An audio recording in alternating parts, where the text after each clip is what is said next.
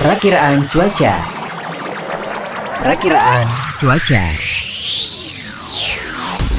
Kerjasama Radio Sonora Bali FM bersama BMKG Balai Besar Wilayah 3 Denpasar. Sahabat Sonora, sekarang kita sudah tersambung bersama Ibu Budi dari BMKG Balai Besar Wilayah 3 Denpasar yang akan menyampaikan cuaca hari ini. Bu Budi, silakan informasinya.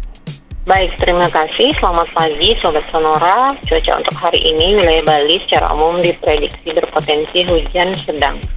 Angin bertiup dari barat daya hingga barat dengan kecepatan maksimum mencapai 36 km per jam.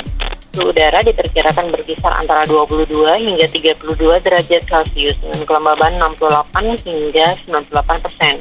Untuk ketinggian gelombang laut di utara Bali diprediksi 0,25 hingga 1 meter, sedangkan di selatan 0,5 hingga 2, meter.